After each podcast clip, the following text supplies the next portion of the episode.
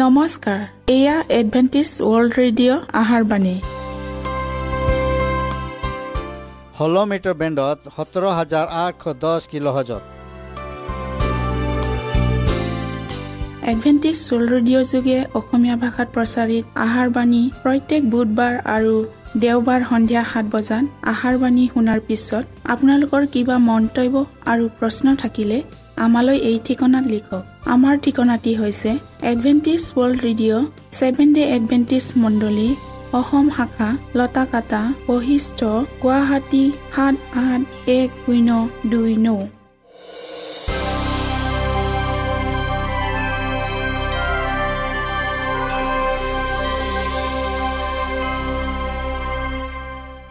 প্ৰিয় শ্ৰোতা বন্ধুসকল এতিয়া শুনো আহক এটি খ্ৰীষ্টীয় ধৰ্মীয় গীত।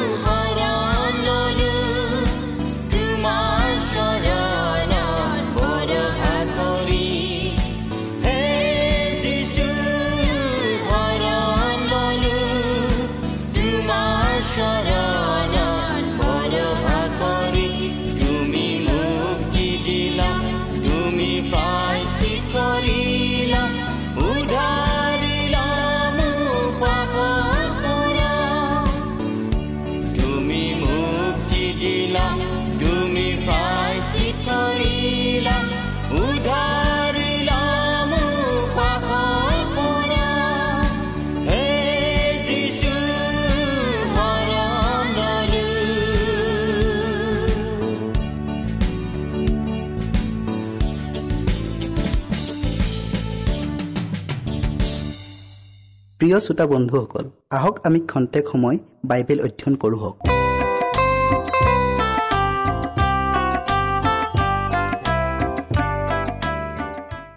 আজি আমি পাপ স্বীকাৰৰ বিষয়ে অধ্যয়ন কৰোঁ হওক। শাস্ত্ৰ পদ লোৱা হৈছে সিটো পদে আঠাইছ অধ্যায়ৰ তেৰ পদ। যি মানুহে নিজৰ অপৰাধ ঢাকে তাৰ কল্যাণ নহ'ব। কিন্তু যিকোনোৱে তাক স্বীকাৰ কৰি ত্যাগ কৰে তেওঁ কৃপা পাব। আমি প্ৰাৰ্থনা কৰোঁ হওক। সেই প্ৰেমাময় আৰু আশীৰ্বাদদাতা পিতা তোমাৰ চৰণত আকৌ পৰিছোঁ। প্ৰভু এই সুন্দৰ সময় দিয়াৰ বাবে তোমাক ধন্যবাদ জনাইছোঁ। প্ৰভু আমি আজি পাপ স্বীকাৰৰ বিষয়ে অধ্যয়ন কৰিবলৈ আগবঢ়াইছোঁ। তুমি আমাৰ লগত থাকা আৰু পবিত্ৰ আত্মাৰ যোগেদি প্ৰত্যেক শ্ৰোতাৰ হৃদয়বোৰ স্পৰ্শ কৰি দিয়া যীশুৰ নামত খুজিলোঁ। আমেন। ঈশ্বৰৰ দয়া লাভ কৰিবৰ উপায় অতি সৰল ন্যায় আৰু সংগতিপূৰ্ণ। পাপৰ পৰা ক্ষমা পাবৰ কাৰণে ঈশ্বৰে আমাক তেনে কোনো কঠোৰ কৰ্ম কৰিব দিয়া নাই। আমি দূৰণিবতীয়া আৰু ক্লান্তিকৰ তীৰ্থ ভ্ৰমণ কৰি কোনো নদ নদীক পবিত্ৰ জ্ঞান কৰি সেই পানীত স্নান কৰি নিজ শৰীৰক ক্ষত বিক্ষত কৰি আঘাত কৰি কঠোৰ ব্ৰতৰ দ্বাৰা নিজৰ শৰীৰ ও অন্তৰক দুখ দি ঈশ্বৰক আমাৰ পাপৰ প্ৰাশ্চিত্ৰৰ অৰ্থে বাধ্য কৰোৱাৰ কোনো প্ৰয়োজন নাই। এইবিলাক মানুহে স্থাপন কৰা নানা বাহিক ধৰ্ম কৰ্মৰহে মাতোন। বৰং ঈশ্বৰৰ জীৱনময় বাক্যই কৈছে যিকোনোৱে নিজৰ পাপ ঈশ্বৰৰ আগত স্বীকাৰ কৰি তাক ত্যাগ কৰে তেওঁ কৃপা পাব। শাস্ত্ৰত কৈছে এতেকে তোমালোক সুস্থ হ'বলৈ ইজনে সিজনৰ আগত নিজ নিজ পাপ স্বীকাৰ কৰিবা আৰু ইজনে সিজনৰ কাৰণে প্ৰাৰ্থনা কৰিবা। যিজনে ক্ষমা কৰিব পাৰে সেইজনা ঈশ্বৰৰ আগত পাপ স্বীকাৰ কৰক আৰু দৌ ক্ৰতিবোৰ পৰস্পৰে স্বীকাৰ কৰক। যদি আপুনি আপোনাৰ বন্ধু বান্ধৱৰ বা ওচৰ চুবুৰীয়াৰ প্ৰতি কিবা দোষ কৰিছে নাইবা তেওঁবিলাকেও যদি আপোনাৰ প্ৰতি তেনেধৰণৰ অন্যায় অবিচাৰ কৰিছে আৰু নিজৰ নিজৰ ভুল বুজি পাইছে। তেন্তে অকণো সংকোচ নকৰাকৈ ক্ষমা কৰাটো উভয় পক্ষেৰে কৰ্তব্য। কিয়নো ঈশ্বৰৰ প্ৰতিমূৰ্তিৰে সৃষ্টি তেওঁৰ সন্তানক মনত আঘাত দিয়াত তেওঁৰ সৃষ্টিকৰ্তা আৰু উদ্ধাৰকৰ্তাৰ দৃষ্টিত পাপ কৰিলে। আমাৰ একমাত্ৰ সত্য মধ্যস্থতাকাৰী আৰু মহাপুৰুষিত যিজনা আমাৰ দুৰ্বলতাত হোৱা দুখ দোষিত হ'ব নোৱাৰে। এনে নহয়। কিন্তু তেওঁ বিনা পাপে সকলো বিষয়ত আমাৰ দৰে পৰীক্ষিত হৈছিল। যিসকলে নিজৰ পাপ ভুল ভ্ৰান্তিবোৰ স্বীকাৰ নকৰি ঈশ্বৰৰ আগত নিজকে নম্ৰ নকৰি হৃদয় কঠিন কৰি আকৰ যোগ মনোভাৱ লৈ থকা এনে লোকবিলাকে কেতিয়াও তেওঁৰ আমন্ত্ৰণ গ্ৰহণ কৰিব নোৱাৰে।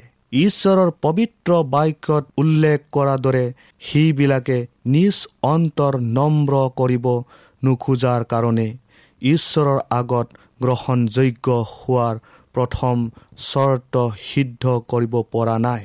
সমজুৱাভাৱেই হওক বা নিৰ্জনভাৱেই হওক পাপ স্বীকাৰ আন্তৰিকতাৰে আৰু স্বতস্ফূৰ্ত বা স্বাভাৱিকভাৱে প্ৰকাশ কৰিব লাগে। যেতিয়া সৰ্ব অন্তকৰণেৰে আৰু হৃদয় উজাৰি পাপ স্বীকাৰ কৰা হয় তেতিয়া ঈশ্বৰৰ অসীম দয়াৰ পাত্ৰ হয়।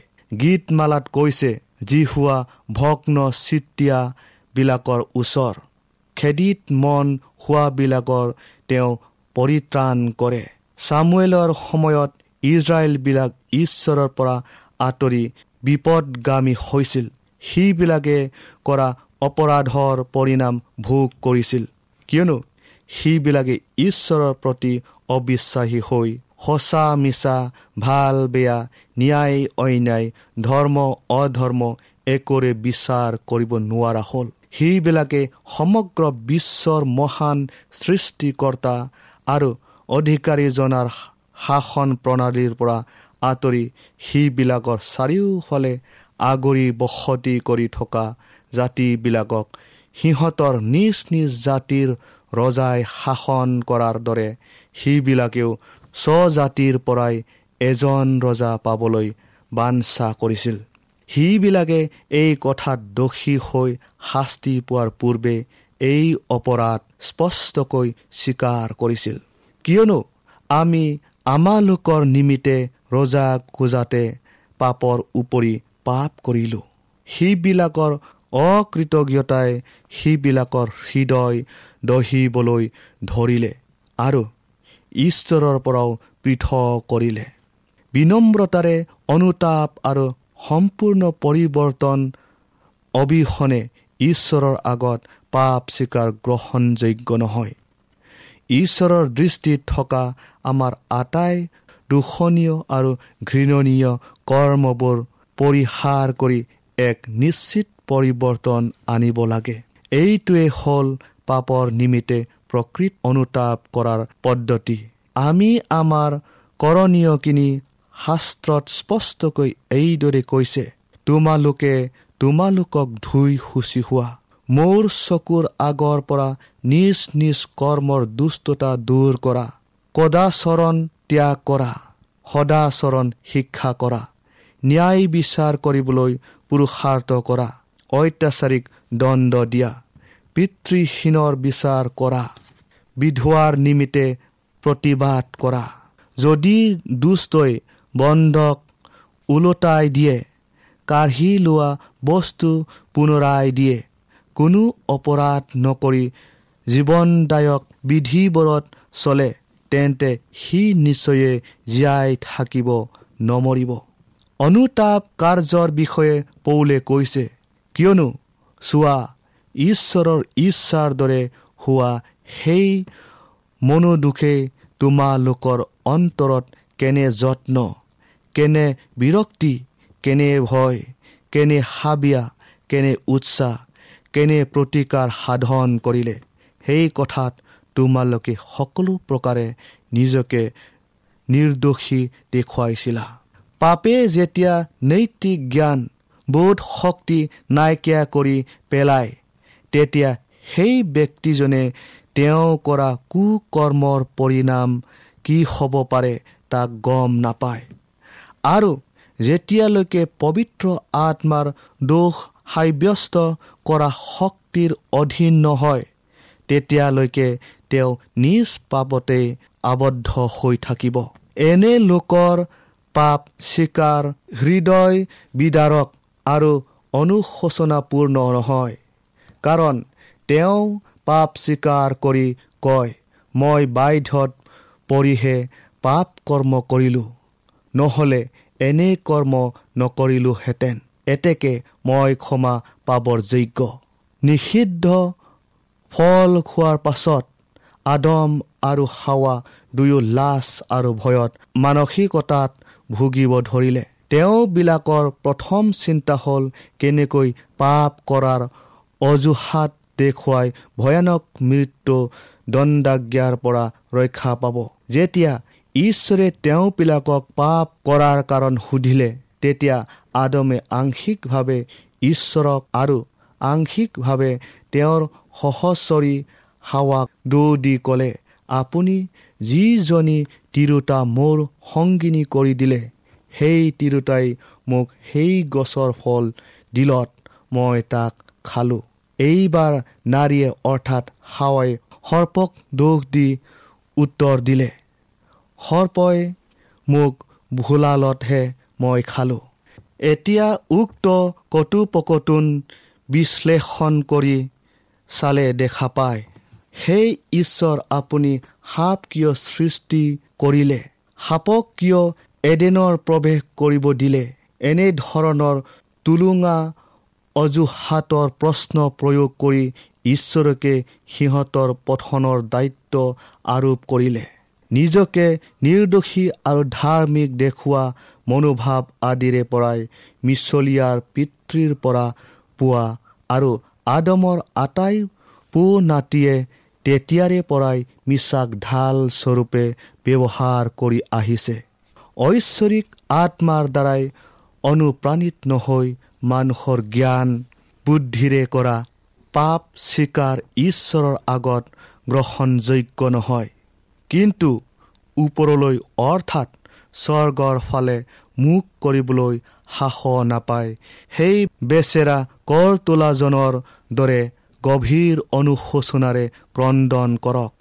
হে ঈশ্বৰ পাপী যি মই মোলৈ প্ৰাশ্চিত্ৰৰ দ্বাৰাই প্ৰসন্ন হওক আৰু প্ৰতিজন অনুতাপিত পাপীৰ কাৰণে যীশুৱে নিজৰ তেজ লৈ পাপ মোচনৰ অৰ্থে পিতৃৰ আগত নিবেদন কৰিব। প্ৰিয় শ্ৰোতা বন্ধুসকল পৌলে নিজকে নিৰপৰাধী সাজি নিজৰ পাপ ঢাকিবৰ চেষ্টা কৰা নাছিল বৰং নিজৰ পাপ মুক্ত কণ্ঠে স্বীকাৰ কৰি এইদৰে কৈছে প্ৰধান পুৰোহিতৰ পৰা ক্ষমতা পায় অনেক পবিত্ৰ লোকক বন্দীশালত থৈছিলোঁ আৰু তেওঁবিলাকক বধ কৰা সময়ত তেওঁবিলাকৰ বিৰুদ্ধে সন্মতি প্ৰকাশ কৰিছিলোঁ। আৰু নামঘৰে নামঘৰে তেওঁবিলাকক ঘনে ঘনে দণ্ড কৰি তেওঁবিলাকে যিহঁতে ধৰ্ম নিন্দা কৰিব তালৈ কাৰবাৰ কৰিছিলোঁ আৰু তেওঁবিলাকলৈ অতিশয় ক্ৰুদ্ধ হৈ আন দেশৰ নগৰলৈকে তাৰণা কৰিছিলোঁ। পাছলৈ তেওঁ অকণো সংকোচবোধ নকৰাকৈ স্বীকাৰ কৰিছিল। পাপী লোকৰ পৰিত্ৰাণ কৰিবৰ কাৰণে যীশুখ্ৰীষ্ট যে জগতলৈ আহিল সেই পাপী লোকৰ মাজত ময়ে প্ৰধান বুলি প্ৰথম তিমতীয় এক অধ্যায়ৰ পোন্ধৰ পদত কৈছে। প্ৰিয় শ্ৰোতাসকল খেদিত আৰু ভগ্ন হৃদয়েৰে বশীভূত হৈ ঈশ্বৰৰ আগত পাপ স্বীকাৰ কৰোতাজন কালবাৰীৰ প্ৰদৰ্শন কৰা ঈশ্বৰৰ প্ৰেমৰ আশ্বাদ পাব। কিয়নো লিখা আছে কিন্তু আমি নিজ নিজ পাপবোৰ স্বীকাৰ কৰিলে বিশ্বাসী আৰু ধাৰ্মিক যি তেওঁ তেওঁ আমাৰ পাপবোৰ ক্ষমা কৰে আৰু সকলো অধৰ্মৰ পৰা আমাক সূচী কৰে। এই অধ্যয়নৰ যোগেদি কৃষ্টই আপোনালোকক আশীৰ্বাদ কৰক।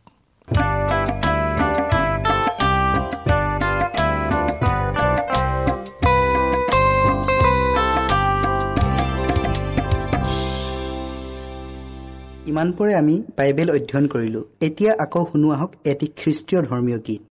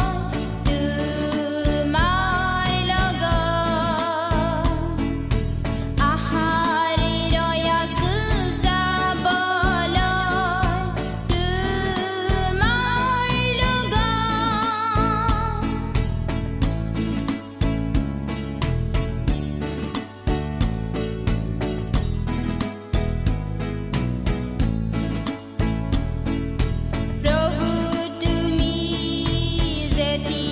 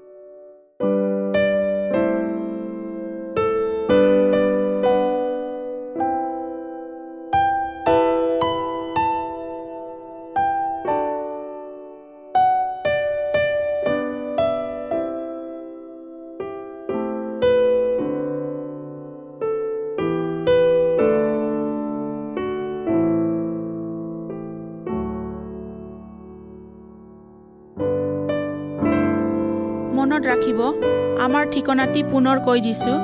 Adventist world radio' Assam region of seven day Adventist voice of hope Latakata বৈশিষ্ট্য Guwahati seven eight one zero' two nine প্ৰিয় শ্ৰোতা বন্ধুসকল এডভেণ্টিজ ৱৰ্ল্ড ৰেডিঅ' যোগে আহাৰবাণী প্ৰচাৰত আপোনালোকক পুনৰ লগ পোৱাৰ আহাৰে আজিলৈ সামৰিলোঁ। ধন্যবাদ।